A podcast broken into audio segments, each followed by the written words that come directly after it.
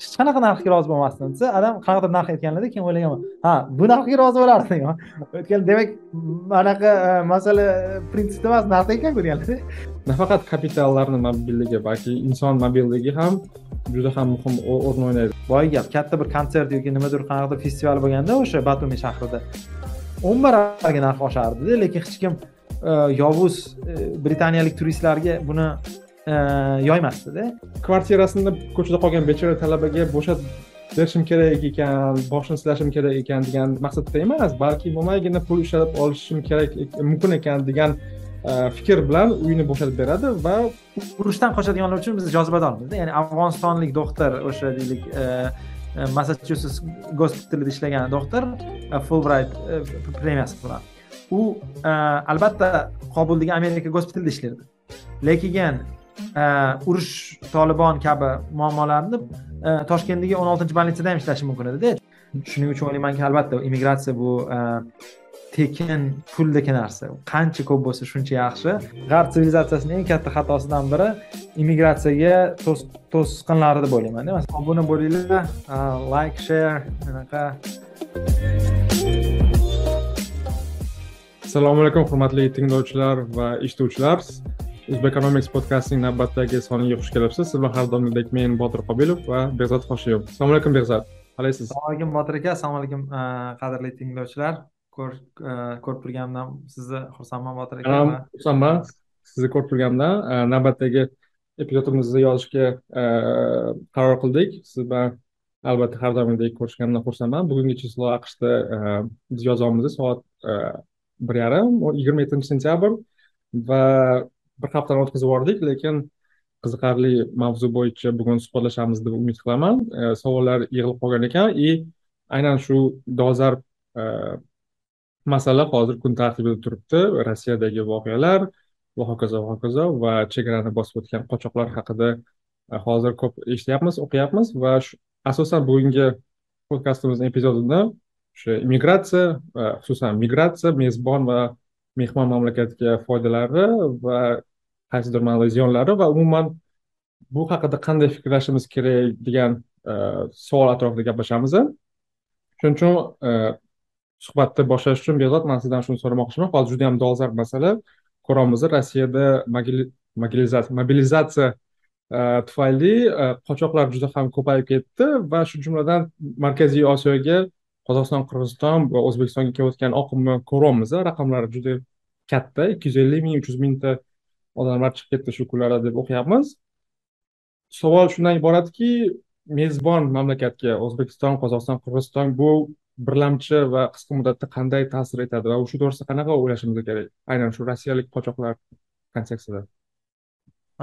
Rahmat botir aka savol uchun albatta rostdan ham juda yam dolzarb masala va internetlarda bu haqida ko'p odamlar har xil fikrlar bildirishyapti va shu haqida manimcha gaplashishimiz kerak. Ya'ni ikkita narsa haqida. Birinchisi bu hozir spetsifik misol bu rossiyada shu safarbarlik ya'ni mobilizatsiya e, natijasida e, qochqinlarni e, qo'shni mamlakatlarga kelishi va ularning o'sha mamlakatlarning iqtisodiyotlari iqtisodiyotlariga ta'siri va ikkinchisi umuman immigratsion masalalarni deylik umumiy muvozanatdagi ta'siri haqida. Bir ikkita farazlar bor. Shu farazlarni aytib ketaman. Mani argumentim qilishda farazlardan biri shuki iqtisodiyotni qiymatni insonlar yaratadi va insonlar iqtisodiyot uchun eng muhim resurs va eng muhim ehm, boylik manbasi. Shu ehm, farazni ustida quriladigan narsa shuki qayergadir hozir rossiyadan keladigan qochqinlar albatta ehm, ijobiy ta'sirlari mavjud. Birinchidan bu insonlarni olib kelishi ikkinchidan bu o'sha insonlarni kelajakda qiymat yaratishi. Agar hozirgi misolga qaraydigan bo'lsak ikki yuz mingga yaqin e, mehnatga layoqatlik va qo'l oyog'i bor e, insonlar hozir chegaralarni bosib o'tishyapti. Buning natijasida albatta o'sha mamlakatda e, mamlakatga qisqa muddatda sal qiyin bo'lishi mumkin ya'ni ularni qayerga joylashtirish hozir vaqtinchalik nima deydi ularga boshpana berish. Lekin umumiy deylik raqamlarda masalan qozog'istonga yuz mingta kelishi juda yam kichkina raqamlar. Э, qozog'istonda masalan hozir o'n yetti milliondan ko'p aholi mavjud. Ya'ni bu e, o'n foizga ham e, boradigan raqam emas lekin kichkina raqam ham emas. Ya'ni yuz ming bu juda bir ya'ni sezilarli raqam lekin e, katastrofik raqam emas. Masalan insoniyat tarixida bir xil misollar borki undan ancha ko'proq aholi bir paytni o'zida ko'chgan. Shunga qaramasdan o'ylaymanki mana shu olti o'n ikki oy ichida qozog'istonni yoki gruziyani yoki boshqa mamlakatlarni iqtisodiyotiga bu insonlarni ko'chib kelishi katta yaxshi ta'sir ko'rsatadi. Nafaqat ular hozir olib kelayotgan pulini sarflashi orqali balki o'sha mamlakatlarda qolib e, ishlab va qiymat yaratish orqali. Mm, ko'p kelganlar tabiiyki e, nima deydi chetdan turib e, boshqa mamlakatlarga ishlamasligi mumkin o'sha mamlakat iqtisodiyotlarida ham ishlashi mumkin. Shular ham albatta mamlakatga foyda keltirishadi. Shuning uchun e, o'ylaymanki e, bu deylik immigratsion oqim e, juda yam yaxshi. Lekin bu immigratsion oqimni yana bir ikkita spesifik xususiyatlari bor. Birinchisi bu qochayotganlarni ham qanaqadir qismi albatta o'ziga to'q insonlar. Rossiyada ham boshqa mamlakatlar kabi odamlarda ko'chib ketishga puli yo'q oddiy qilib aytadigan bo'lsak. Ya'ni ko'chib ketayotgan insonlar rossiyadan bu qanaqadir ma'noda privilegiyasi mavjud. Ya'ni qanchadir ham bo'lsa ham mablag'i borki ko'chib ketishga imkoni bor. Samolyot orqalimi poyezd orqalimi moshina orqalimi bundan oldin bundan ancha oldin e, hali urushlardan oldin rossiyada tadqiqotlar bor edi. Bu rossiyani ichidagi ichki migratsiya haqida. U yerda e, nima ko'rsatilganki rossiyani bir ikkita judayam samarador e, regionlari masalan moskva va moskva viloyati peterburg va leningrad viloyati atroflarida samaradorlik baland. Lekin boshqa viloyatlarda samaradorlik past ya'ni oyliklar past oddiy qilib aytsak. Nima uchun odamlar past oylikli joydan baland oylikli joyga ko'chib kelmaydi desak tadqiqotlar shuni ko'rsatdiki insonlarda kapital yo'q ko'chib ketishga ya'ni hamma narsasini tashlab u yoqqa ketishga ya'ni hattoki transportga yoki vaqtinchalik yashashga ham puli yo'q. Hozir e, demak o'sha tadqiqotlarni bu yoqqa ekstrapolyatsiya e, qilsak o'sha tadqiqotlarga manimcha ilovani qo'yib ketamiz u rossiyalik iqtisodchi ko'pchilik biladi sergey guriyev va uning э, hammualliflari qilgan tadqiqot bundan ancha yil oldingi.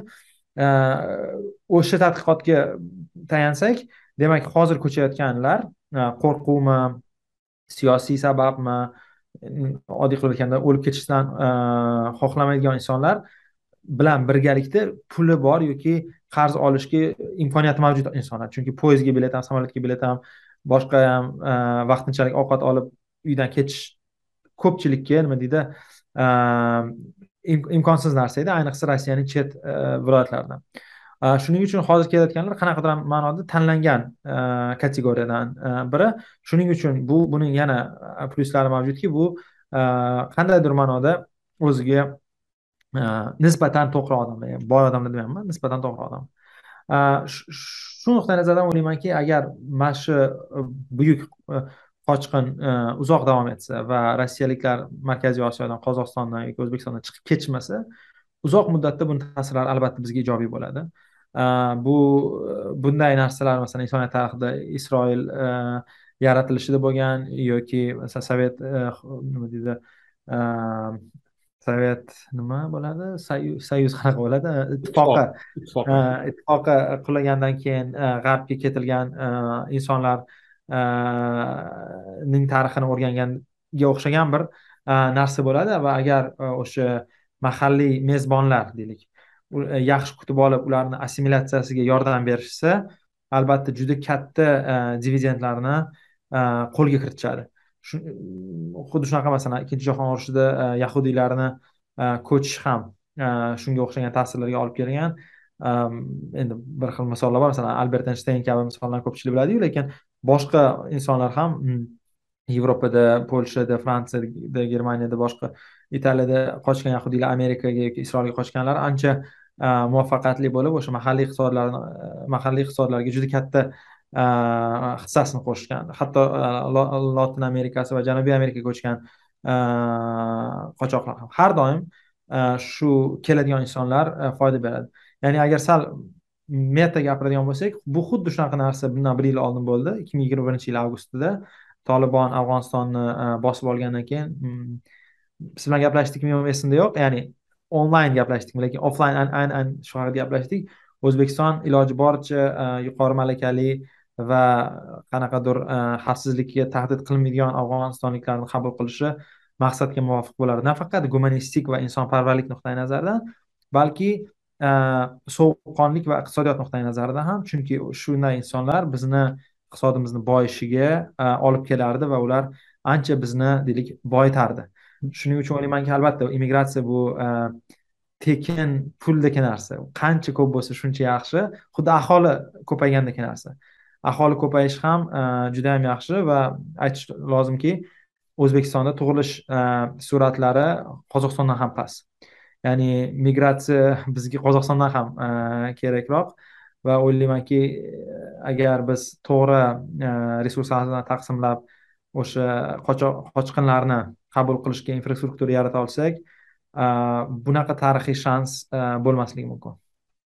Э, qo'shilaman shu tep o'tib ketdingiz. Ya'ni bu masala biz hozir gaplashayotganimiz biroz tasodifiyroq ya'ni rossiya atrofida bo'layotgan mavzular atrofida bo'layotgani tasodifiy lekin bu masala o'tgan yili ровно bir yil oldin juda ham aktual edi. O'sha avgust boshida ikki ming yigirma birinchi yilda afg'onistonlik qochoqlar to'g'risida e, mavzu ko'tarilganda bu to'g'risida siz aytganingizdek biz offlayn gaplashganmiz. Qayerdadir ham yozgandim topolmadim. E, xuddi o'sha messej ya'ni qancha ko'p inson kapitali mamlakatga kirib kelsa nafaqat o'zbekiston istalgan mamlakatga kirib kelsa bu siz aytgandek juda yam katta bir blessing. Ya'ni osmondan yog'dirilgan ne'mat.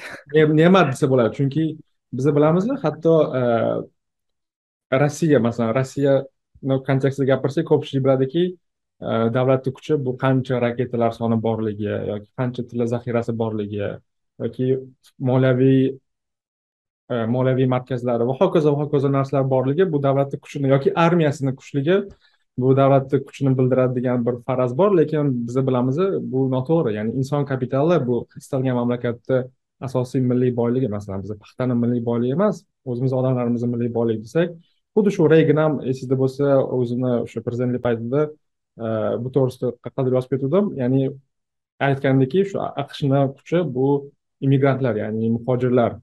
Va shu oxirgi so'zi prezidentlik sifatida oxirgi so'zida ham aynan shu muhojirlarga sevgi maktubi deb e, monolog o'qib ketgan. E, aytmoqchimanki e, kelayotgan inson kapitali u qaysidir talant egasi bo'ladimi yoki talant yoki qandaydir kasb hunar egasi bo'lmaydimi? Qat'iy nazar mezbon mamlakatga uzoq muddatda albatta foydali tarafi bor. Siz aytayotganda siz aytayotgandek shu afg'onistonlik talaba qizlar masalan o'tgan yili esingizda bo'lsa e, qirg'iziston juda ko'p e, bishkekdagi shu avka bor juda ko'p e, ko'chada qolib ketgan va xavfsizligiga xatar yetayotgan xavfsizligi putur yetayotgan qizlar va o'quvchilar shu qirg'izistondan boshpana topishdi va shu qirg'iziston orqali hozirda aqshga ham yetib kelganlari bor g'arbiy mamlakatlarda. Ya'ni boshida qandaydir xavf xatar bo'lishi mumkin deb o'ylash o'ylashadi lekin inson kapitali bu qiymat yaratuvchi Э, kapital hisoblanadi va undan foydalanmaslik menimcha eng katta э, nima desa bo'ladi qo'ldan boy berilgan imkoniyatlardan biri deb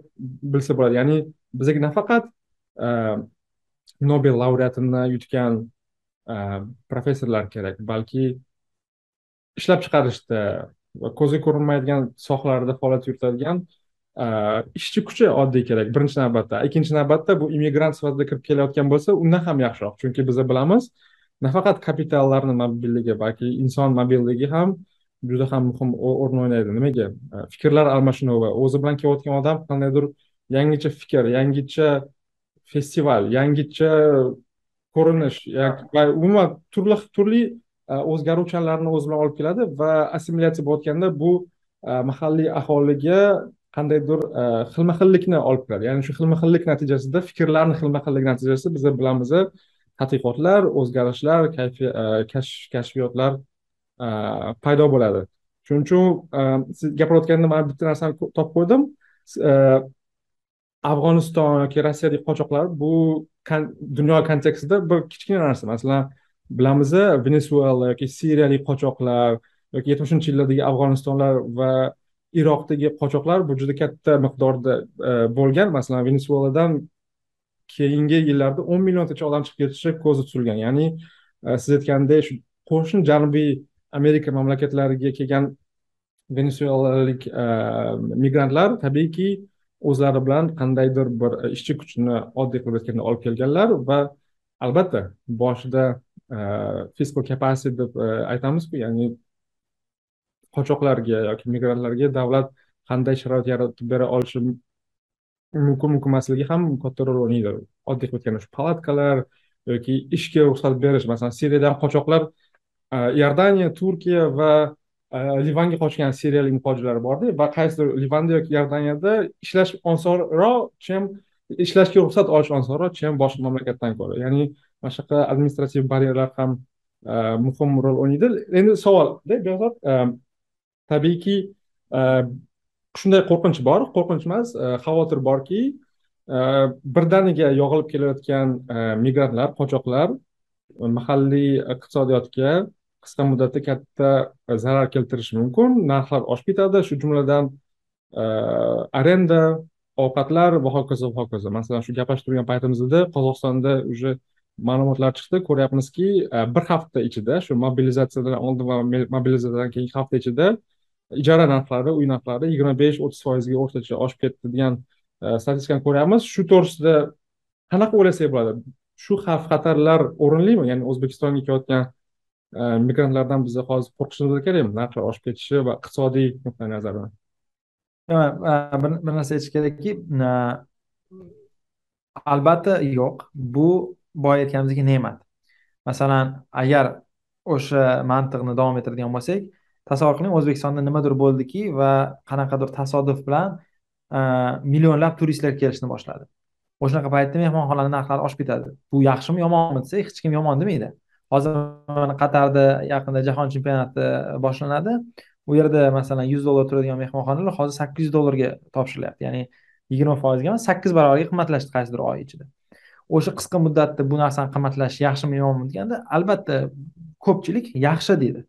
Э, xuddi shunaqa o'sha э, dohadagi э, nima deydi kvartiralarda ham narxlar o'sha e, jahon chempionati paytida shu bir oyda judayam katta narxga oshib ketdi airbnb kabi e, saytlar orqali. Chempionati olimpiada festivalda narxlar oshib ketsa qisqa muddatda. Hech kim chiqib boshqa festivalda hech minglik narxlar qimmatlashdi demaydi hamma biladiki bu odamlar kelishi xarajatni ko'p e, ularni xarajat qilishi iqtisodiyotni hammani boyitadi. Ya'ni hozir rossiyalik qochqinlar kelib qozog'iston shaharlarida yoki o'zbekiston shaharlarida iste'mol qilishlari e, va deylik e, yotoqxona olishlari masalan mehmonxona bo'ladimi hostel bo'ladimi qanaqadir kimdirni uyi bo'ladimi bu albatta mm, o'zbekistonni boyitadigan narsa. Ya'ni tekinga pul ham kelyapti ulardan e, shuning uchun qisqa muddatda albatta arenda narxi oshishi mumkin. Lekin arenda narxi bilishimiz kerak bu ikkita narsani funksiyasi bu birinchisi talab va taklifni. Talab qisqa muddatda oshganda taklif bir e, unchalik tez reaksiya qilolmaydi chunki e, somsadan farqli o'laroq yangi uy qurish sal qiyinroq. Ya'ni muddat talab qiladi albatta e, o'zgarishlar bo'ladi. Masalan man hozir qozog'istonni o'rtog'im bilan gaplashyapman u boshqa mamlakatda singapurda yashaydi.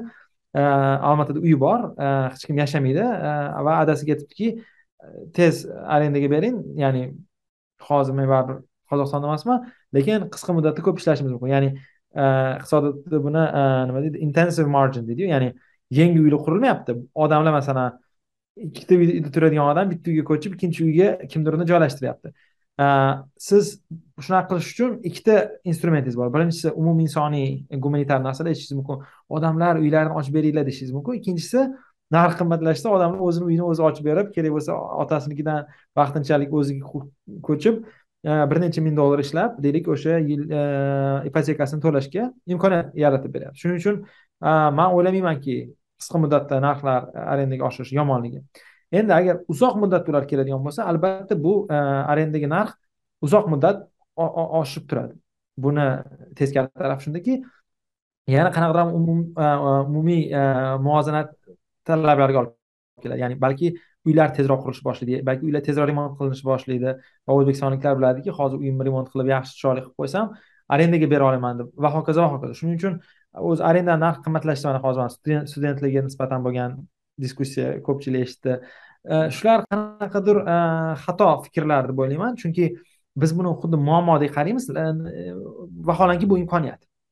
Chunki bu o'zbekistonliklarni boyish uchun imkoniyati xuddi shunaqa qozog'istonliklarni boyish imkoniyati albatta e, bu narsadan yutqazilganlar ham mavjud bo'ladi. Masalan hozir deylik besh yuz dollarga arendaga olayotgan inson ertaga shu yetti yuz dollar to'lash kerak masalan yigirma besh foizga oshgan bo'lsa olti yuz dollar e, to'lash kerak. Bu u inson uchun deylik aynan o'sha joydagi inson uchun e, yaxshi yangilik emas. Lekin boyga boyagi gapda agar bu hozir jahon chempionati bo'lganda qozog'istonda va uylarni narxi yigirma besh foizga emas sakkiz yuz foizga oshganda hech kim buni bir qanaqadir inqiroz ishkal bular qochqinlar yaxshi turistlar yomon degan diskussiya bo'lmasdi. Ovqat narxiga keladigan bo'lsak e, boya aytgandek masalan yuz mingtalab e, odam ovqat bozorida katta mm, talabni oshishga olib kelmaydida.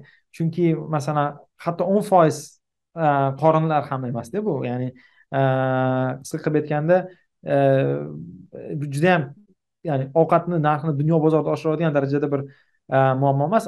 Qozog'iston bu dunyo bozoriga to'liq integratsiya qilingan iqtisodiyot ya'ni masalan dunyo bozorida shakarga narxi oshsa qozog'istonda oshadi unga narxi oshsa qozog'istonda oshadi. Shuning uchun qochqinlarni bu yerga kelishi qozog'istonga. Talabni oshirishi mumkin o'sha nonga ham go'shtga ham boshqa narsaga ham lekin e, dunyo bozori uchun unaqa katta e, perturbatsiya bo'lmagani uchun unday katta masala emas boyagi venesuela bilan siriyani yaxshi ko'rsatdingiz. Masalan turkiyaga juda yam ko'p odam siriyadan kelganda arenda narxlari boshqa oshganda anaqa nima deydi oziq ovqatlarni o'zgartiradigan darajada bo'lmaganda ya'ni sakson minutalik turkiyaga turistlar ko'proq keladi u qochqinlardan ko'rada o'shanga nima demoqchiman? Biz shunday masalalarni anavi sentimentlarsiz qarashimizga harakat qilishimiz kerak deb o'ylaymanda. Masalan his tuyg'usiz demoqchisiz sentiment ha his tuyg'usi qanaqa ma'noda Э, kimdir ularni o'rislarni e, deylik mana urush qilayotgani uchun yomon ko'rishi mumkin va yo'q ularni qabul qilmaymiz deyishi mumkin. E, ular shu deb muammo qilyapmiz twitterda mana bir ikkita diskussiyani shuni ko'rdim.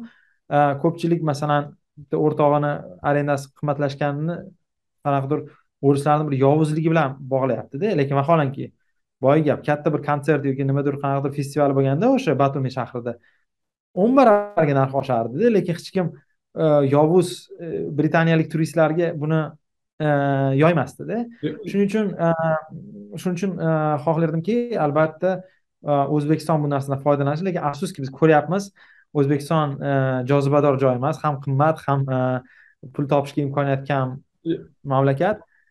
Shuning uchun anaqa kelishligi sal qiyinroq o'zi e, o'zi e, o'zi mana shu narsa ya'ni jozibadorlik degan so'zni man keyingi savollar blokida yoki suhbatlashishda ishlatmoqchi edim.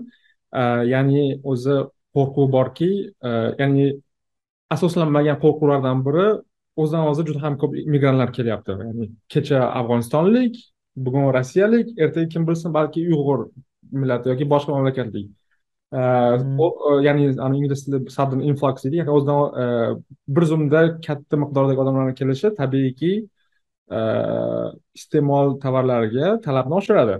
Va biz bilamiz qisqa muddatda taklif buni qoplay berishga ulgurmaydi va kimdir o'zini kvartirasini bo'shatib bergungacha e, vaqt yetadi. Yaqinda o'zi talabalarga e, joy kvartira yetishmaganda esingizda bo'lsa ko'pchilik e, shu jumladan ba'zi mutasaddilar chiqib aytishdiki biz mehmondo'st va insonparvar xalqmiz va keling talabalarga uyimizni bo'shatib beraylik degan his tuyg'ular orqali bozorni qoplashga harakat qildik. Siz siz aytgandek biz bilamiz aslida buni orqasida buni tagida toza iqtisodiy mexanizm ya'ni talabni e, vaqtincha oshib ketganini ko'rgan uy egasi kvartirasini ko'chada qolgan bechora talabaga bo'shatib berishim kerak ekan boshini silashim kerak ekan degan maqsadda emas balki mo'maygina pul ishlab olishim kerak mumkin ekan degan e, fikr bilan uyini bo'shatib beradi va e, o'sha talabni oshganidan foydalanib oladi. Masalan siz aytgandek jahon chempionati bo'ladimi yoki samarqandda yaqinda shos bo'ldi masalan. Uylar narxi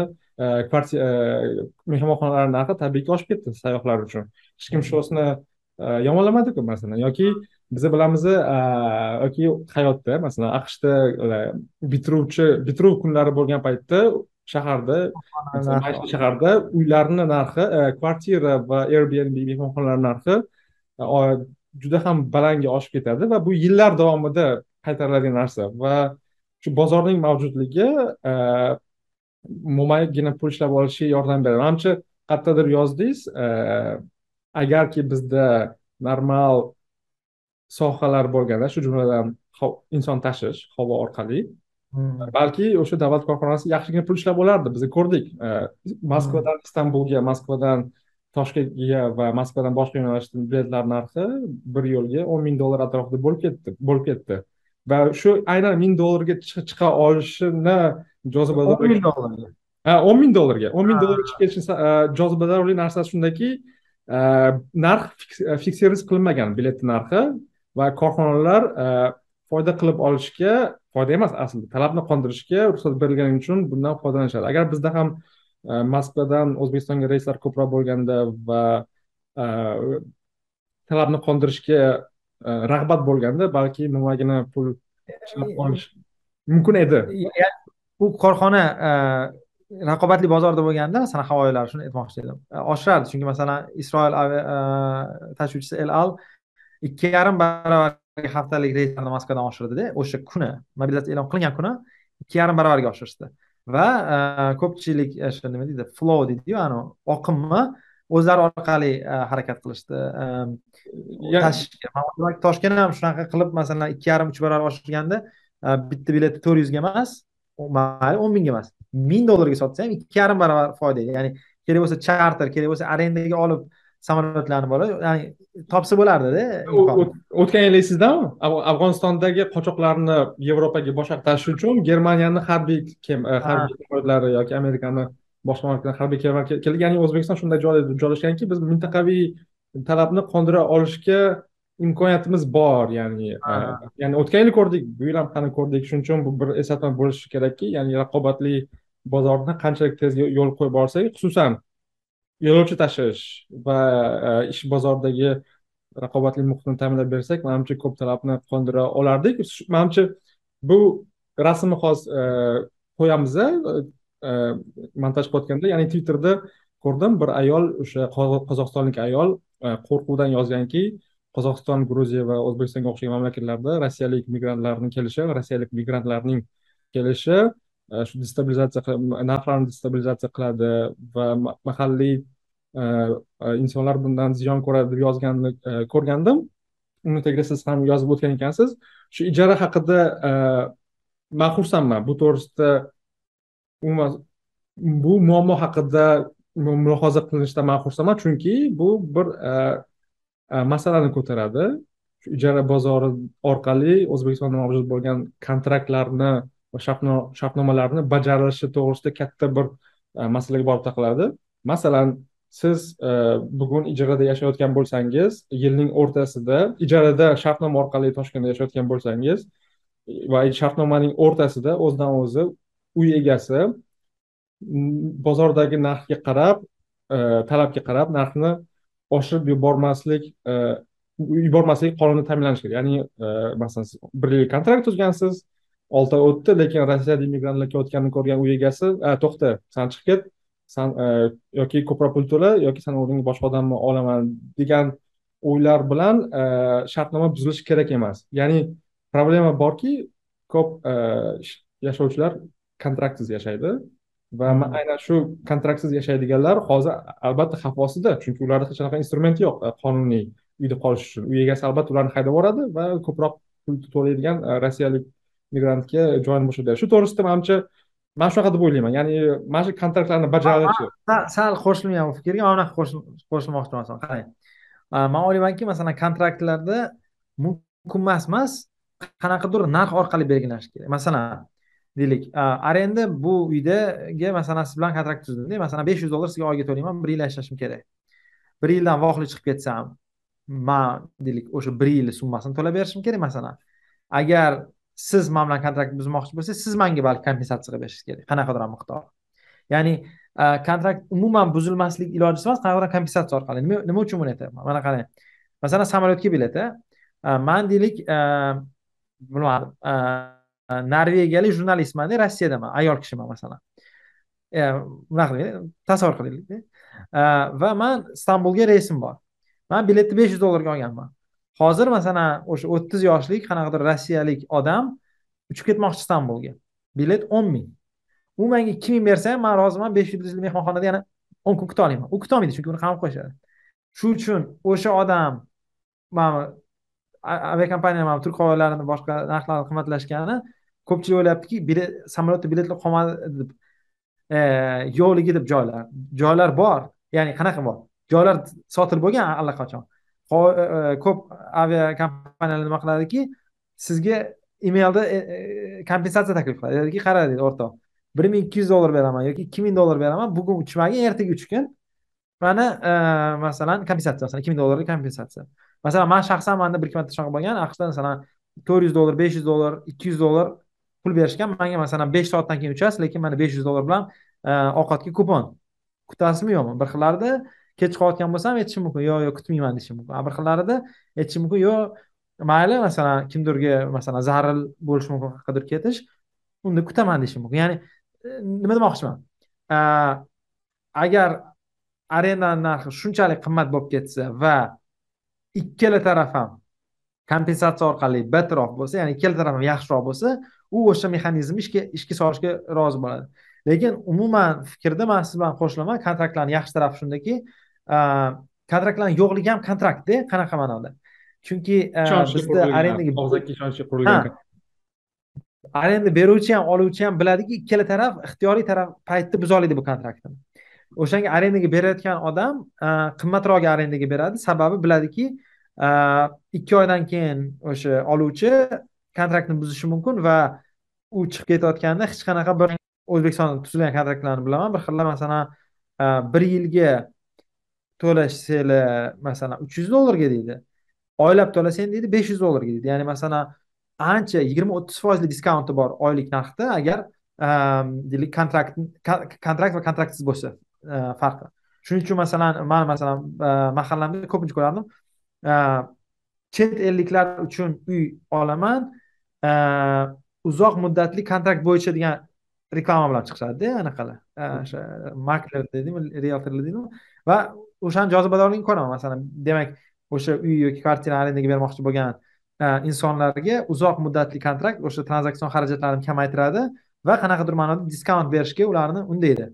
Xuddi shunaqa nima uchun har kunlik uy bor masalan airbnb oylik e, olishdan e, qimmatroq bo'lishi kerak va yillik olishdan qimmatroq bo'lishi kerak. Shuning uchun siz bilan qanaqa meta fikrda qo'shilaman ya'ni kontrakt anaqa qilish kerakku nima deydi nima deydi amalga oshishi kerakku lekin bir xillarda narx shunaqa oshib ketishi mumkin. O'sha kontraktni buzish hamma uchala tarafga ham afzal bo'lishi mumkin. Masalan deylik rozi bo'lishi kerak va lekin shartnomani o'zi aslida bo'lishi kerak.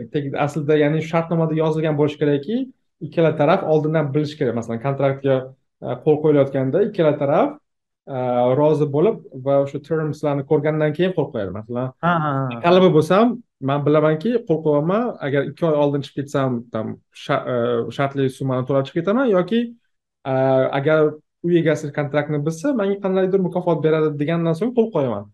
Mana mana shu narsa bu albatta bu e, e, kontrakt buzilsa ikkala taraf rozi. Lekin man shu aytayotgan narsam shu kontrakt o'zi yo'qligi va kontrakt o'zi kontrakti o'zi yo'qligi va e, albatta kontraktsiz turgan odam albatta bu hozir nima deydi victim deydimi? Jabrlanuvchi bo'lishi tabiiy. Lekin bu ham riskida boya. Masalan kontraktsiz qilayotganda u bilardiki ixtiyoriy paytda unga arendaga berayotgan inson bilan kontraktni bir taraf bilan buziladi. Ya'ni bu risk ikkita taraf ham olganda va hozir masalan qanaqa desam sal anaqaroqda masalan mana hozir hamma jabrlanuvchi o'sha arendaga turadigan bechoralar deyishyaptida. Lekin o'sha odamlar bundan oldingi kontraktlar har doim o'zbekistonda ham boshqa gruziyada ham bilardiki xohlagan paytida arendaga beruvchidan chiqib keta olish haqqi bilan olgan edida hmm. lekin bu ko'chaga chiqarib ha ya'ni bu ko'cha hozir ikki tarafli ko'cha bo'lib qolganiga xafa bo'lyapti. Lekin har doim masalan ko'pincha arendaga beradigan odam buzmaydi kontraktni? Arendaga oladigan odam buzadi ya'ni arzonroq joy topib oladida keyin e, uzr men chiqib ketdim deydi vaholanki shu uchun ularni mana shu kontraktida bu risklar ya'ni inobatga olingandi.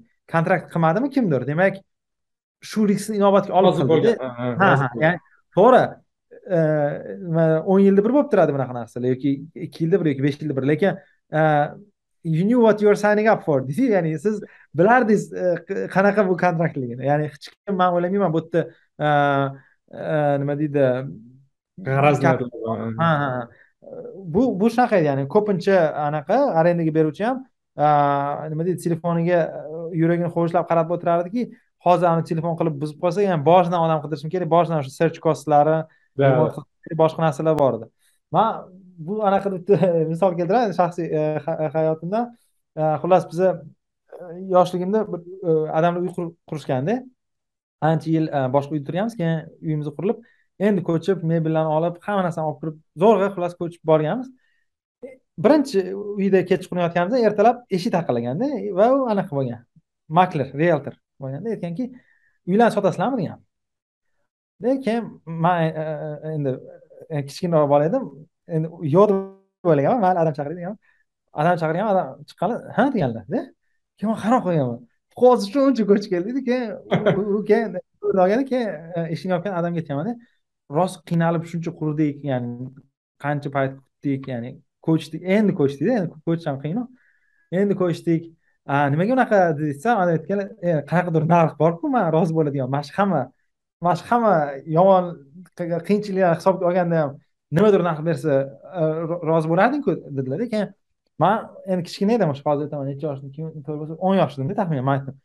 Hech qanaqa narxga rozi bo'lmasdim desa adam qanaqadir narx aytganlarda keyin o'ylaganman ha bu narxga rozi bo'lardi degan. O'tgan demak anaqa e, masala e, prinsipda emas narxda ekanku deganlar o'shanga man mana shuni o'ylayapman ya'ni bu sizni birinchi iqtisodiy darsingiz bo'lgan ekanda ha shunaqada ya'ni masalan o'sha mana bu arendani buzayotgan yoki o'shani o'sha samolyotga mana hamma borgisi keladi samolyotga uchishga. Lekin sizga zarilmi deb so'rab chiqsam samolyotga ketayotganlar hamma ha zaril deydi. Lekin mana o'n ming dollar zarilmi desam yarmi e, mayli bo'pti ya'ni ikki kun kutaman deyishi ham mumkinda ya'ni ya'ni zarillikni o'lchash anaqalari ham borda. Ehm, imkoniyatlar va bu bu masalan shu chiroylilikda buni. Qanaqadir ma'noda xuddi mana shunaqa masalan kelayotgan migrantlarga yoki ko'chada qolib ketgan talabalarga. Mani xona kvartiramni bir xonasini talabaga bo'shatib berishim zarurmi ertaga bizib ketadi iflos qilib ketadi yoki migrant notanish odam kriminal bo'lishi mumkin zarurmi deysiz lekin qandaydir narx ko'chada belgilansa albatta zarur bo'lib qoladi va bu normal holat ya'ni normal holat yuzlamachilikda ayblash yoki narxni oshib qo'yganda bu g'alamis niyat bilan qilinganlikda ayblash albatta e, noo'rin chunki biz bilamiz har doim insonlar o'sha e, e, rag'batlarga javob beradi. Har doimgidek mavzudan ozgina uzoqlashdik arendada migratsiya to'g'risiga biroz qaytadigan bo'lsak migratsiyaga biroz qaytadigan bo'lsak man shu haftada yoki o'tgan haftada ya'ni ko'p narsa bitta paytga to'g'ri kelib qoldi aqshdagi hozir sentiment shundan iboratki asosan respublikachi radikal siyosatchilarni fikri shundan iboratki mamlakatga hamma migratsiyani to'xtatishimiz kerak qonuniy noqonuniy yoppasiga haydash kerak degan sentiment bor yevropada ham bir xil mamlakatlarda masalan yoki teskari joyda singapur bor singapur hozir наоборот bizga ko'proq talantli odamlar kerak chegarani ochishimiz kerak va hozir aslida anavi gap borku global siyosiy o'yinlar kurashlar degan gaplarni tagida asosan hozir talant uchun kurash ketyapti oddiy aytganda va bu normal. Endi gap shundan iboratki mana shu oxirgi bir ikki haftada e, ijtimoiy tarmoqlarda ko'rgan bir e, mulohazalardan biri e, o'zbekistonlik migrantlar masalan xususan aqshga e, noqonuniy yo'llar bilan shu meksika va janubiy amerikadagi mamlakatlarga borib va u yerdan aqshga yetib kelishlar haqida bahslar biroz ko'tarildi va shu e, bahslarni atrofida savol bor ediki nima uchun barcha xavf xatarni bilgan holda ya'ni o'sha biz bilamiz e, hozir meksikaga sayyoh bo'lib kelish ayniqsa mdh davlatlaridan va sharqiy yevropa mamlakatlaridan meksikaga sayyoh bo'lib kelish hozir deyarli mumkin emas. Chunki meksikani meksika e, e meksikani e, e, tamojenniklar va konsuldagi odamlar biladiki siz meksikaga yoki shartli kankunga plyajga ketaman desangiz ham meksikadagi elchixonadagi odam biladiki yo'q yo'q yo'q san aqshga bormoqchisan deb rejection qilib beradi. Ya'ni odamlar hozir boshqa yo'lni janubiy amerikaga uchib kelishadi ekvador kolumbiyaga va u yerdan yuz kilometrlik bir peshkom yuradigan yo'l bor amazon konечный shu orqali meksikaga kelishadi va shunda ham meksikada qo'lga tushmasligi uchun har qanday yo'llar bilan e, e, kartelga yoki jinoiy guruhlarga pul berib va bu odamlar unutishimiz kerak emas qarz qarzga uylardan uylardan qarz olib chiqqanlar hamma narsani sotib chiqqan. Nafaqat o'zbekistonlik ruminiyalik masalan afrikalik mamlakatlardan ko'p. Hatto xitoyliklar ham ko'p ekan. Manga shu qiziq tuyuldi. Xitoylik xitoylik qiziq ha xitoyliklarga ham hozir endi aqshga E, kirish qiyin bo'lib qolgan masalan mani bir e, kursdoshim viza ololmaydi masalan amerikadan chiqolmaydigan bo'lib o'tirgan ya'ni даже talantli odamlarga ham xitoyliklar aqshga kelish qiyin bo'lib qolgan shuning uchun man e, not surprised deydiyu illegal immigrantlarga. Ya'ni aytmoqchimanki nima uchun mana shu xavfli amazonkalardan kelish timsohlarga yem bo'lib ketishi mumkin bo'lgan turli biz anaqalarni ko'ramiz hikoyalarni eshitamiz o'qiymiz haqiqatdan juda ham yurakni nima desa bo'ladi og'riqli hikoyalarni ko'ramiz va savol shundan iboratki nimaga insonlar ruminiyaliklar yoki sharqiy o'zbekistonliklar shu darajagacha boradilarki o'z hayotlarini xavf ostiga qo'yib o'sha aytilgan sehrli diyorga borish shunchalik jozibali ekanmi demak shu xavf xatarlarga ular o'zlarini bilib borishyaptimi yoki ular aldanib inson savdo odam savdosiga qo'shilib qolyaptilarmi degan e, savol javoblarni ko'rdim va buni atrofida ba'zilar e, shunday fikr beryaptiki bu odamlar faqatgina e, aldanib qolganlar va nimaga borayotganini bilmaydilar degan gaplarni eshitdim. Bu to'g'risida nima deb o'ylashimiz kerak? Rostdan ham amerika shunchalik jozibadorki odamlar o'z hayotini xavf ostiga qo'yib meksika orqali kelishga rozimi? Ha albatta bu juda ham jozibador hozir yuzlab mingta odam aqshga yiliga kirib kelyapti shunday yo'l orqali. Ya'ni chegarani nolegal ravishda kesib o'tishyapti yoki kelib legal ravishda nima deydi qochqinligi haqida yoki mazlum bo'lganligi haqida e'lon qilishyapti. Man bir nechtasi bilan shu medison shahrida ham gaplashdim. Va ya'ni o'zbekistonlik davlatga emas boshqa pasport egalari jumladan rossiya pasporti egalari va e, ular ham siz xuddi siz aytganingizdek bor e, uy bor narsalarni sotib kelishgan bir xillari oilalar bilan bir xillari oilalarini mamlakatda tashlab e, katta katta qarzlar yigirma ming o'ttiz ming ellik ming dollarlargacha qarzlar olib kelib mana shu bir nechta janubiy amerika mamlakatlari orqali kelib yuzlab kilometr piyoda yurib suzib o'tib qayiqlarda nihoyatda bir yig'lab yuboradigan hikoyalar Э, va o'sha oxiri aqshning chegarasiga kelib э, aqsh chegara qo'shinlariga э, o'zlarini deylik taslim bo'lib qamoqxonalarga e, kirishadi bir xillari mehmonxonalarga va qanchadir muddat e, o'tgandan keyin e, xullas chiqib ish faoliyatini boshlab yuborishyapti. Albatta bu hikoyalar ko'pchilik uchun g'alati eshitiladi. Ya'ni boya aytganingizdek nechtadir mamlakat chegarasini nolegal ravishda E, kesib o'tish. Nechidir yuz kilometr piyoda e, yurish. E, o'zbekcha aytganda it yotish mirza turish. Ya'ni palatkalarda ko'pincha bir binolarda emas ochiq havoda yotish. O'lim yoki kasallik tahdidlari ostida yashab yashash. Va shunga qaramasdan insonlar kelyapti. Buni oddiy tushuntirish g'alati tuyuladi lekin oddiy tushuntirish bor bunda. Qanaqaki imkoniyatlar tengsizligi. Ya'ni aqshda ya'ni o'sha bolalar bilan gaplashsangiz mana hozir aqshda idish tovo yuvyapmiz deyishdi va olti kun haftasiga ishlashyapti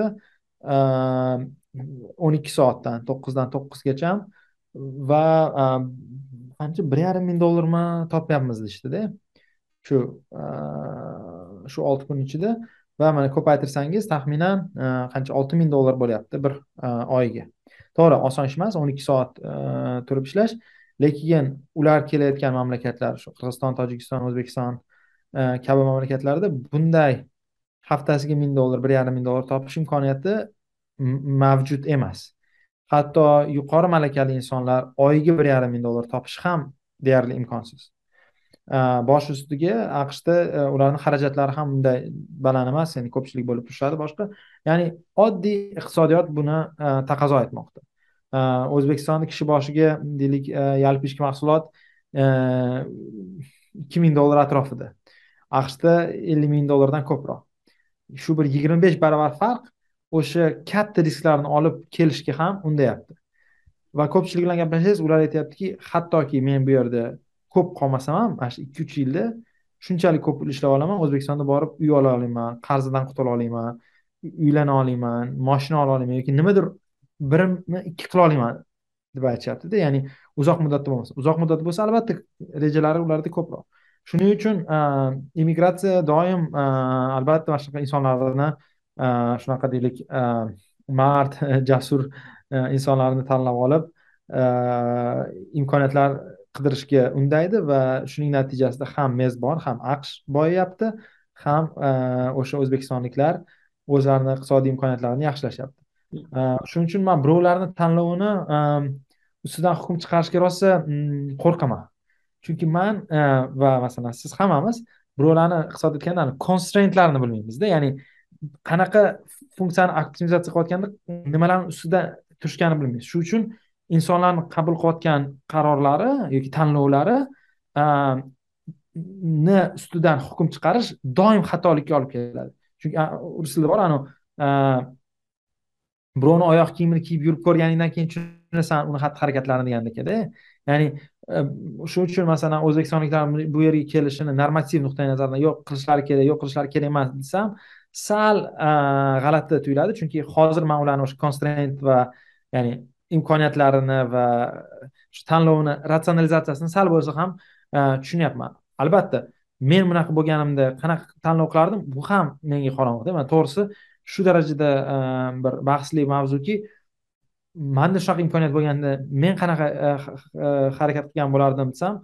menda ham yaxshi javob yo'q. Shuning uchun ham man o'ylayman immigratsiyaga yo'l qo'yish bu insoniyat uchun juda ham yaxshi narsa o'sha afg'oniston haqida yana uzr anaqa qilaman yuzlab afg'on doktorlari juda ham yuqori kvalifikatsiyali aqshlarda va g'arbda o'qiganida minglab fulbrayt bitiruvchilar afg'onistonda faoliyat olib borardi man masalan o'shanda bir maqoladan yozdim masalan masalan deylik aqshda fulbrayt orqali yoki doktor bo'lib yoki muhandis bo'lib g'arbda o'qigan afg'onistonlik hammasiga o'zbekiston rezidensiya pmj berish kerak edida chunki bunaqa yuqori inson kapitalligi insonlarni zulmdan qochib ya'ni bir xil mazlumlikdan qochib kelganlarni qabul qilishimiz e, bizga katta imkoniyat beradi. Hozir aqshda ham mana bu e, qochqinlarni qabul qilish siyosatida ham shu qismi bor.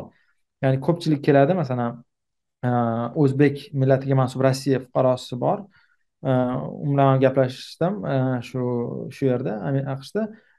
Kelgani sababi bo'ldiki qo'rqdi rossiya uni urushga olib ketib qoladi. Hali mobilizatsiyadan oldin keldi u anaqa ancha Э, to'g'ri o'yladi va aqshda ana o'sha asylum deydimi? Nima o'sha e, qochqinlikka xullas anaqa qildi. E, da'vo berdi. Man aytdim qanaqa da'vo bo'ldi desam chunki dedi men o'ttiz yoshman e, uchta bolam bor millatim o'zbek va bildimki ertami kechmi meni urushga olib ketib qolishadi dedi va u may oyida keldi. Va mana gapi to'g'ri chiqdi. Ya'ni hozir mana haqiqatdan shunday insonlarni e, olib ketishyapti ya'ni aytmoqchimanki ya'ni gumanitar va insonparvarlik funksiyasi bor immigratsiyani va e, hech qanaqa iqtisodiy funksiyasi bor. Ikkala tarafdan ham insonlarni qabul qilish juda ham maqsadga muvofiq. Man lekin inson sifatida buni qo'llaydi ya'ni iqtisodiy anavi kalkulyatsiyasi bo'lmasa ham buni qabul qilish kerak dedimda o'zi ham. Lekin anavi ikkala tarafda zo'r bo'lgandan keyin buni qilmaslik qanaqadir qip qizil xatoga o'xshaydi. Man o'sha har doim man sizga ham ko'p aytganman g'arb sivilizatsiyasini eng katta xatosidan biri immigratsiyaga to'sqinlari deb o'ylaymanda masalan aqsh yigirmanchi asr boshida bir ikki millionta odam kelardi bir xil yillari. Aholi sakson million ya'ni tasavvur qiling qirqdan bir keladi yiliga ikki millionta odam sakson milliontani ichidan.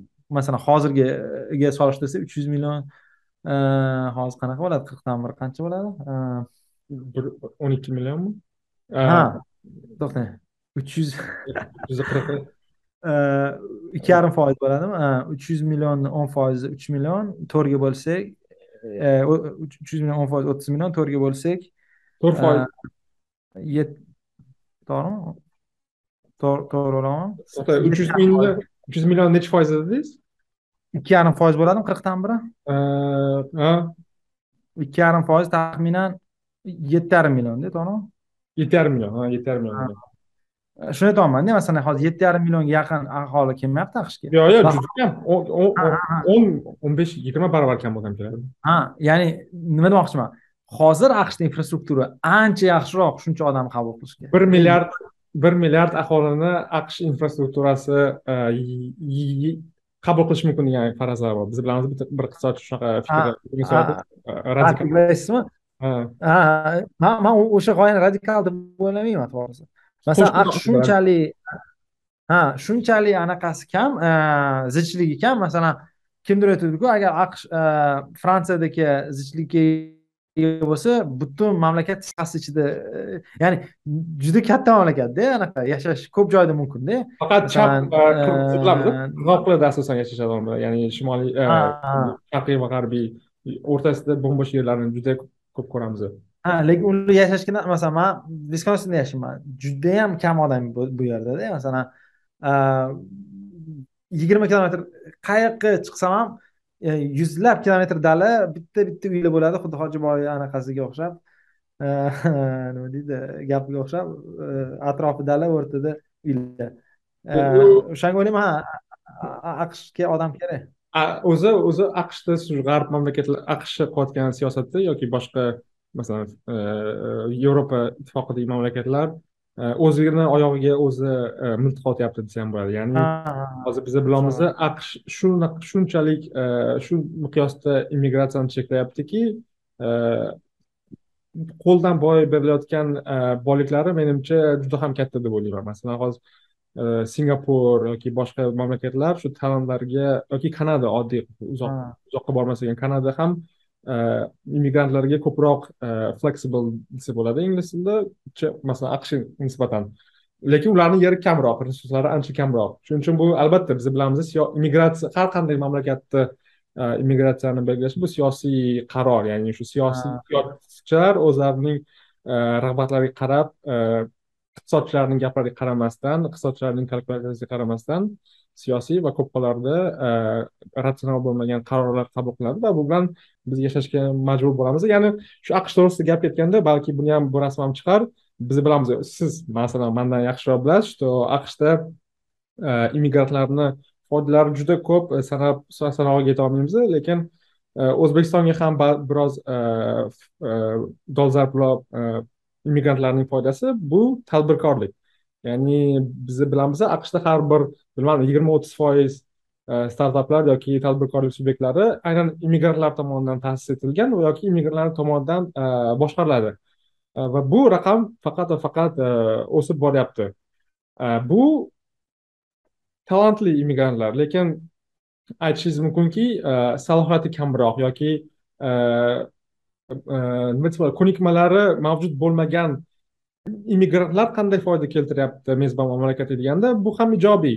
Masalan oddiy shu anavi bir marta gaplashgan kartni david kartni nobel mukofoti olgan david kartni anaqasini bilamiz kuba kubalik mayamiga kelgan immigrantlar ya'ni kam malakali bo'lgan immigrantlar mahalliy mayami aholisini oyliklarini yoki ishlarini olib qo'ymaganlar E, ya'ni e, immigrantlar u belaruslik it Mhm. mutaxassis bo'ladimi yoki afg'onistonlik talaba bo'ladimi yoki yoki rossiyalik injener matematik bo'ladimi? Bu albatta mezbon mamlakatga e, qo'shimcha qiymat yaratadi. Bu tadqiqotni ham balki e, ekranga qo'yib qo'yarmiz.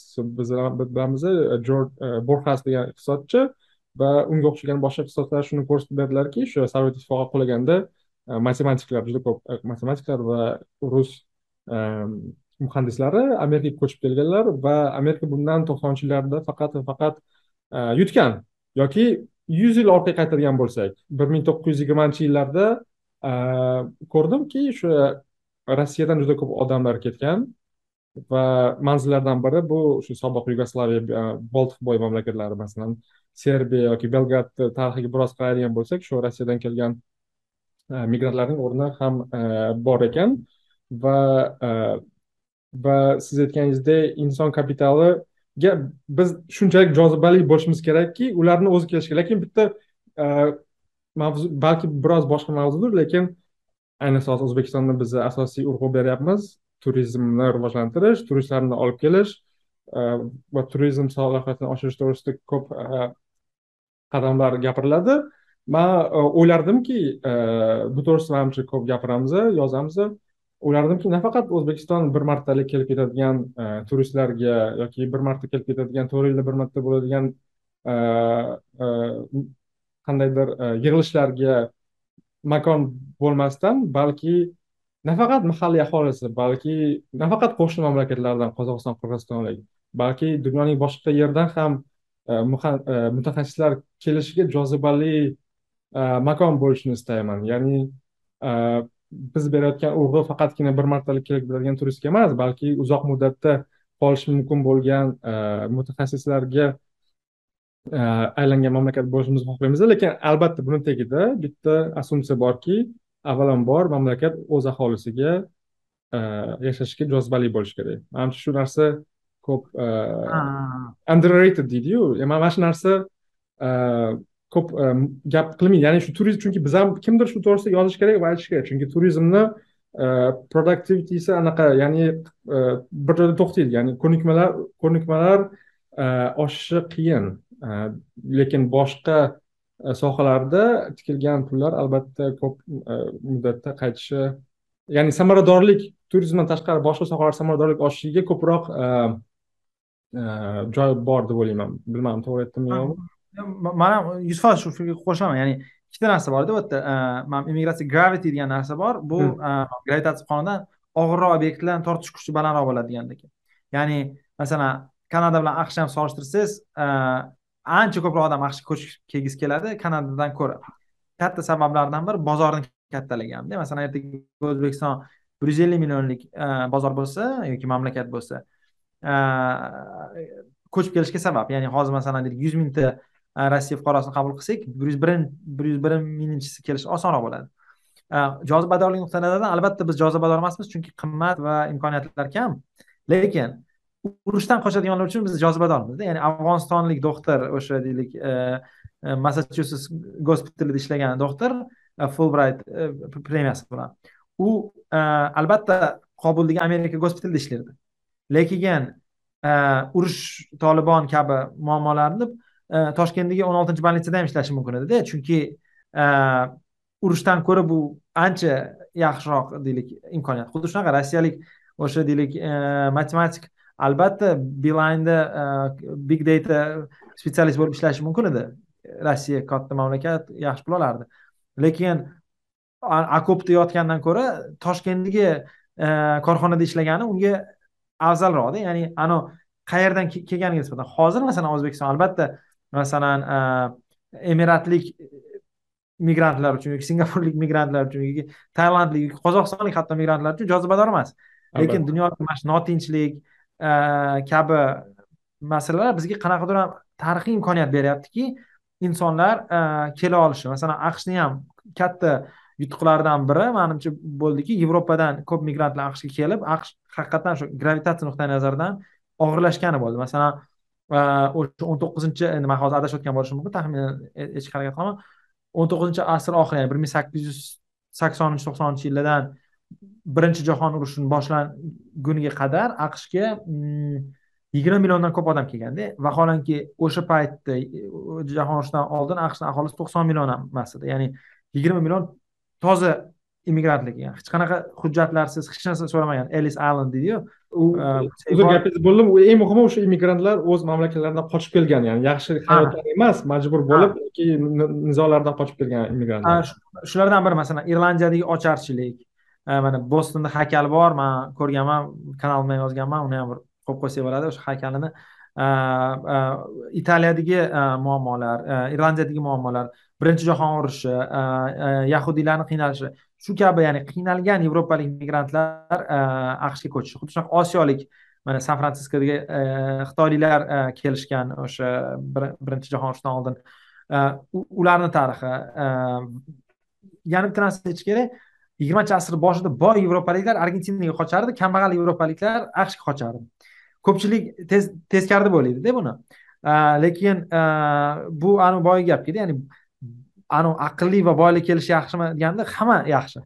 Chunki bular ertaga imkoniyat yaratadiganlar shuning uchun masalan e, albatta o'sha massachusetsda ishlagan afg'on doktor man u doktor spesifik doktor ya'ni man uni bilib gapiryapman e, u abstrakt doktor emas. E, u o'zbekistonga kelib faoliyat olib borishi yaxshi lekin ideologik ravishda deylik o'sha tolibonni yomon ko'radigan boshqa afg'onistonlik iste'dodli insonlar kelib ham bizni boyitib beradida va bundoq olib qarasangiz o'zbekiston hamchi dunyo xaritasida dunyoga mashhur bo'lgan paytida ancha hozirgidan xilma xilroq edi.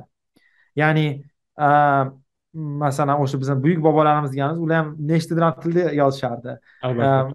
Masalan ovqatlarimizni ham qarasak xitoycha anaqa bor ta'siri bor. Deylik g'arbiy osiyoviy ta'siri bor. Masalan o'sha kabob ham e, lag'monam e, manti ham yeymiz lekin ko'p masalan mamlakat masalan deylik eronda manti kabi ovqatlar kamroq ya'ni o'sha dampling sifat narsalar. E, ya'ni shuni ham o'ylashimiz kerak ya'ni o'zbekiston ham mm, paytida ham juda ham katta fanda va boshqa yutuqlarimizga erishganimizni sababi ham bittasi toshkent shahrida deylik o'zbeklar o'ttiz besh foiz tashkil etardi saksoninchi yilda. Ya'ni toshkent ham ancha bir nima deydi xilma xilroq shaharida.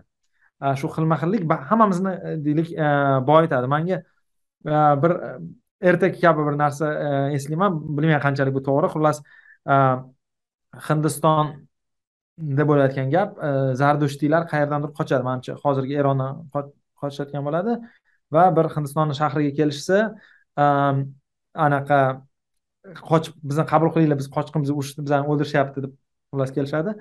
Va u shaharni bir hokimi chiqadi aytadiki mana deydi kosa deydi sutga to'la deydi. Hozir qush quysak oqib ketadi deydida. Keyin o'sha bir zardusht zardusht bir e, ularni yetakchisi aytadiki to'xtanglar deydi sutga shakar qo'shsachi deydi. U faqat shirin bo'ladiku deydi. Xullas qabul qiladi. Bilmayman bu tarixim yo'qmi lekin o'sha hindistonlik zardushtlarda mana hozir ko'p mashhur e, dunyodagi hindlar ko'pi o'sha qochqinlarni e, avlodlari ekan. Man masalan bilmasdim. Man nima demoqchiman buni hozirgi amerikada ham o'sha ellis island bor o'sha nyu yorkdagi bir orol orqali hujjatlarsiz yuz million aholisini e, ajdodlar ajdodlari bo'lgan. Hozir uchdan birinida e.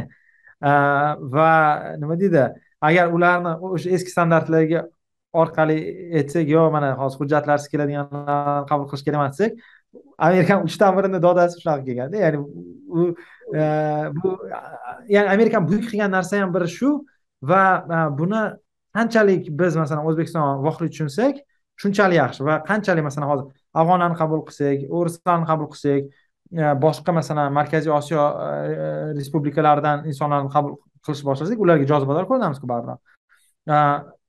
Biz ham o'sha gravitatsiya qonuniyati orqali ya'ni katta bozor ko'pchilik xilma xillik bo'lgani uchun olib kelish osonroq bo'ladi chunki bu mamlakatda e, afg'onlar ham ruslar ham o'zbeklar ham tatarlar ham tinchlikda osoyishtalikda yashaydi degan bir e, g'oya bor. Manga masalan e, koreyalik o'zbeklarni ta'siri bizni madaniyatimizga juda yam muhim deb o'ylayman masalan man koksi va kimchini fanati sifatida osh bilan kimchi yeyish masalan koreyalik koreyalik koreyalikligini tushuntirsangiz kimchi bilan osh yeyman desangiz uyimizda kimchi bilan osh yeymiz va ularga bu g'alati kimchi osh nima va bu bu chiroylilikda bu masalan qo'shilaman chunki как раз kecha e, shu to'g'risida e, uyimizda gaplashayotgandan keyin bizani uyda ham har doim kimchi bo'ladi va как раз eslayotgandim yoshligimda yoshligimizda maktabda esingizda bo'lsa e, koreys salatlari yoki koreys ovqatlari bilan ovqatlanardik tanaffuslarda va aynan shu o'zbekcha oshga kimchini aralashmasi o'sha siz aytgandek chet ellik aytsangiz hayron bo'ladi. Birinchidan o'zbekistonda qanaqa karislar paydo bo'lib qolgan qanaqa qilib o'zbekistonda karis koreys koreys millatiga mansub insonlar yashaydi degan narsani tushuntirsangiz xorijliklarga bu qiziq bo'ladi. Ya'ni siz aytgandek shu xilma xillik baribir jamiyatni oldinga olib boradi orqaga emas. Ya'ni qanchalik xilma xillik bo'lsa bu faqat manimcha xursand bo'ladigan narsa. Man o'ylayman biz shunday bo'lishimiz kerak lekin siz aytdingizu siyosat. Masalan odamlar nihoyatda anavi anaqa nima deydi asarjonni krepость deydi anavi bosilayotgan qal'a mentalitet bilan yashashadi kimdir kelsa mani nonimni olib qo'yadi. Bilmaydiki u odam senga ham nonni yaratib beryapti. Ha ha albatta. O'zi aynan mana shu shu sababli ham biz e, podkastni qilamiz gapiramiz yozamiz ya'ni shu kabi fikrlar ni e, o'ynatish orqali umumiy tushunchalar o'zgarishiga umid qilamiz chunki siz aytgandek qanaqa stereotiplar va qo'rquvlar birlamchi qo'rquvlar ba'zida tabiiyki o'rinli qo'rquvlar bor lekin sal uzoqroqni qarab ochib bersak albatta odamlar o'z fikrini o'zgartiradi masalan necha yillardan beri o'sha oddiy parkovka pulli bo'lishi kerak yo'lda to'rayish kerak degan narsalarni qayta qayta yuz yuz marta ming marta aytganingizdan keyin bir kun albatta e, buni foydasi bo'ladi degan umid bo'lgani kabi bu kabi immigrantlarning yoki xilma xillikning afzalligi to'g'risida albatta biz ko'p gapirishimiz kerak va misollar orqali ham siz aytgandek o'sha massachusetsga ketgan afg'on doktori tabiiyki toshkentda yashashi mumkin edi. Lekin hozir ko'pchilik qo'rquv o'rinsiz deb o'ylayman. Chunki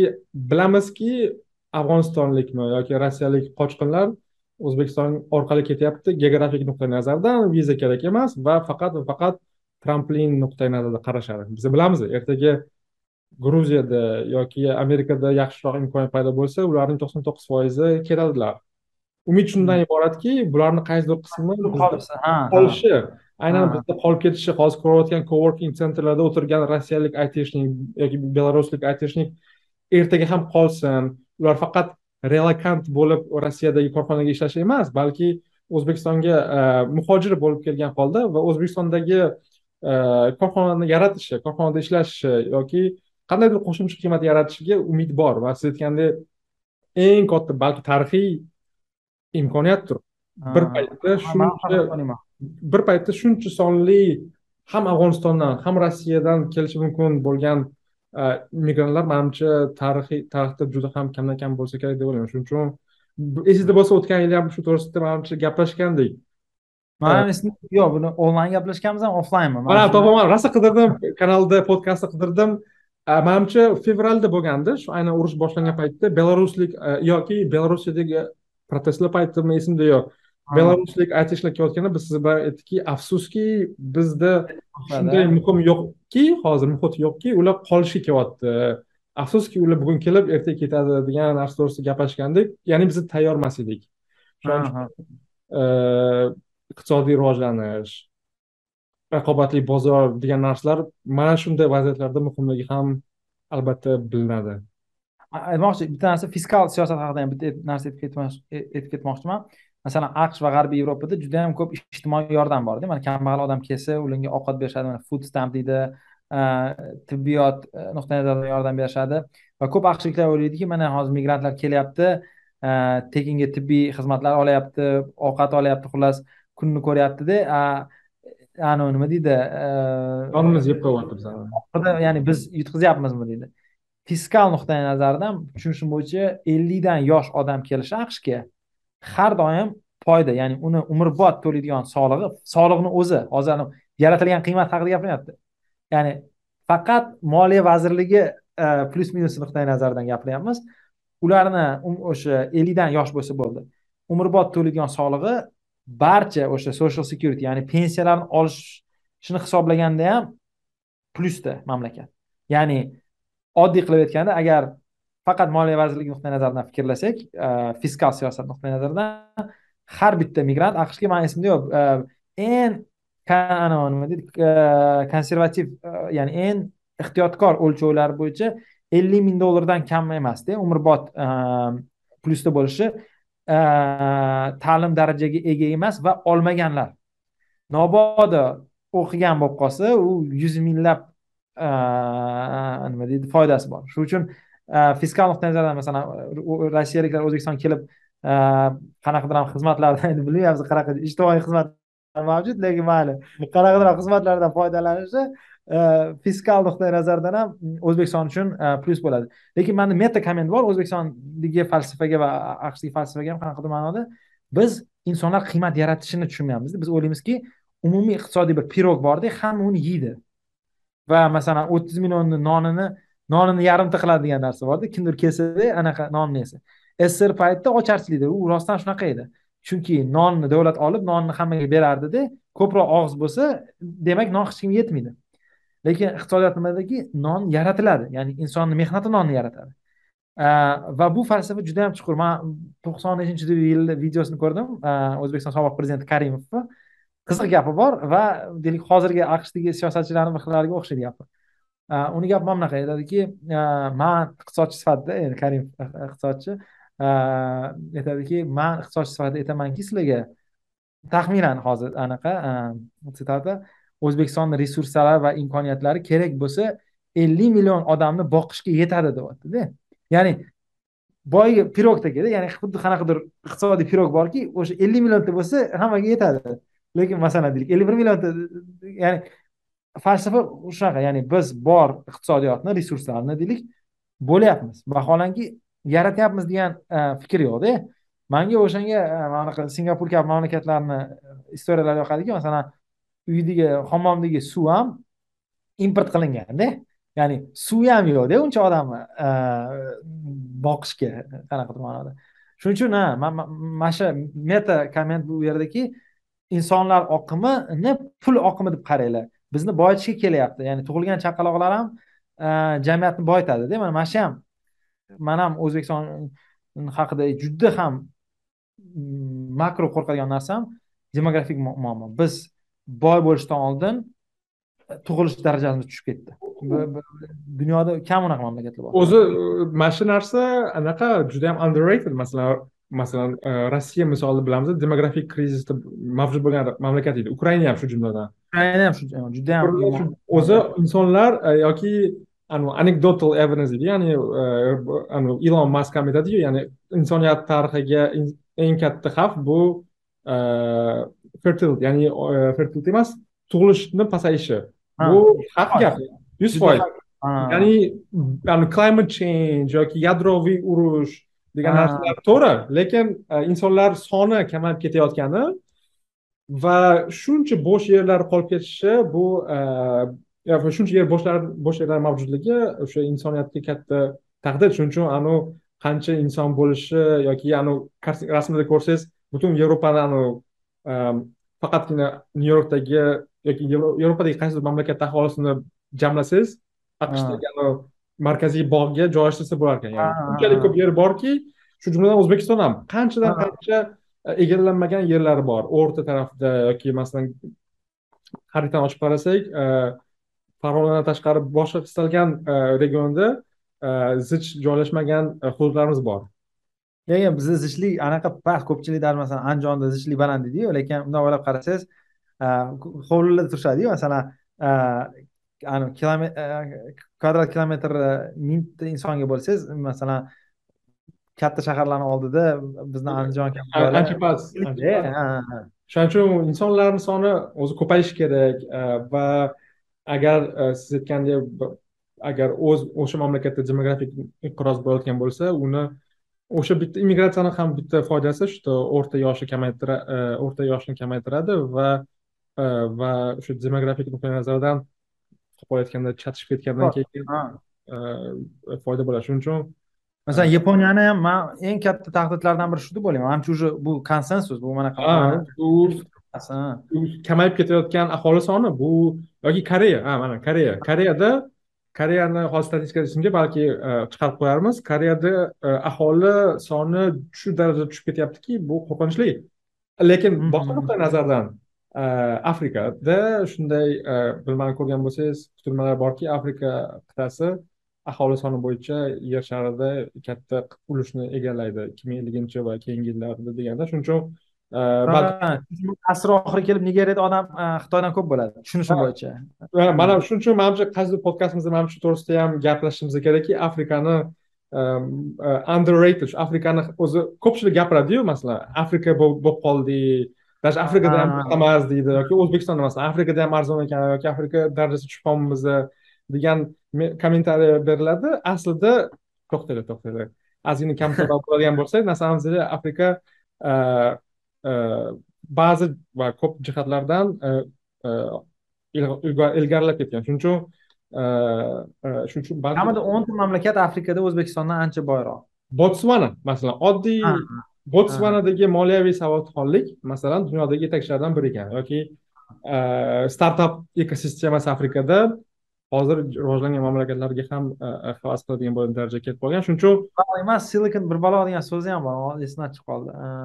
Silikon val emasda qanaqadir so'zi ham bor mayli shu shu nuqtai nazardan ya'ni kelajakda aholisi qayerda ko'p bo'lsa o'sha mamlakat yutadi. qancha ядерный боеголовок oltin zaxirasi yer tagidagi yoki paxta maydonlari bug'doy anaqalari emas. Pul ham emas balki insonlar soni qancha ko'p bo'lgan mamlakat e, kelajakda e, lekin e, bitta anaqa controversial opinion beraymi? Bundan ham controversial har doim men boru it has always been like this deydi ko'rganmisiz bundoq qiladiyu orqasidan masalan qarang hozir man bilaman dunyoni eng katta shaharlari deb google qilsangiz или oldin mamlakatlar degan понятие sal anaqarog'u har doim masalan eng boy mamlakatda eng katta shaharlar bo'lardi. Ya'ni bu masalan deylik dunyoni markazi nechinchi asrda qayerda deb so'rasangiz eng katta shahar qayerda bo'lgan bo'lsa o'sha yerda taxminanda. Ya'ni tushuntira oldimmi masalan o'n to'qqizinchi asr bu bu bu london edida masalan yoki hozir aytyapsizki bombey mexiko sitili bo'lib qolgan o'sha ha ha ha ya'ni hozir endi уже nation state уже anaqa qildiku formalyatsiya qildiku. Mana masalan oldin masalan o'n sakkizinchi asrda muammo bor edi masalan ho'p parij fransiyaniki lekin parijdan ellik kilometr sharqqa yursak ular Э, flamancha gaplashadi belgiycha yoki nemischa gaplashadi elzas lotaringiyada sal muammo bor germaniya ham fransiya ham lekin umuman deganda masalan markazlar e, agar shahar davlat deb qabul qilsak hozircha mana shu diskussiyada har doim eng katta davlat eng ilg'or bo'lgan ya'ni ko'p odam birga yashashini imkon berish e, o'sha memdekada e, dunyoda e, kelajak e, aholi orqali determinizir qilinadi desangiz man aytaman it has always been like this ya'ni bu hech qachon e, deyarli o'zgarmadi va shu shu ma'noda ham aytamanda masalan o'zbekiston agar hozirgidan kichkinaroq bo'lganda o'sishimiz undan ham qiyinroq bo'lardi. Ya'ni insonlar ko'payishi o'zbekistonni boyishiga olib keladigan masala. Va bu anavi territoriya emas oltin emas haqiqiy inson qiymat yaratishi g'oyasi orqali. Bir maqola yozish kerak xullas bu haqida. Immigratsiyadan kechib qoldiku lekin immigratsiyani tushunish uchun mana shu tagidagi anaqa e, aysberg tagini tushunish kerak ya'ni nima uchun iqtisodchilar immigratsiyani yaxshi deb o'ylaydi? Chunki anavi nima deydi e, karishchi takolarni yaxshi ko'rish emas aytmoqchi вообще zo'r narsa. E, bulgogi takos degan narsa bor ya'ni karislar bilan meksikanistani fyuzioni karishcha marinovkada tako qilib mayli. Topasiz anaqa los anjelesda meditsinada ham ochildida xullas. Yaxshi ko'rganim uchun emas. U ham lekin that's not bu hammasi emas. Chunki e, boylik bilan birga bu keladida. Shu e, ma'no e, ya'ni immigratsiyani yaxshiligi bu nafaqat karischa takolar balki nima deydi jamiyatlarni boyishi va hokazo shu podkastimizni o'z ovqatlarga ovqatlarga link berganingiz qiziq bo'ldi. Ya'ni linkda qo'shib ketamiz. Koreys takosi albatta manga koreyan anavi fried chicken fried chicken emas anaqa fried bir bolasi bor vegetable yo'q yo'q korean mayli topib yozib qo'yaman. Qaysidir sabzavoti bor edi. Lekin именно mana shu suhbat bo'layotgan payt e, dunyodagi yer maydoni eng katta mamlakat kichkina qarish yerga ko'z olaytirib yoki eng katta mamlakatdagi bir inson yoki bir necha inson kichkina yer parchasiga ko'z olaytirgan holda eng muhim narsani esdan chiqargan paytda bo'layotgani manimcha e, qiziq deb o'ylayman. Shuning uchun judayam bir post e, ironik narsada ya'ni boylik bilan boyliksiz uchun kurashishdek bo'lyaptida ya'ni haqiqiy qiymat hozir. Anavi ketyapti. Mana rossiyani gruziyasini qarang ikki yuz ming vafot ham etyaptida masalan hozir. fizik ravishda o'lyaptida nima deydi?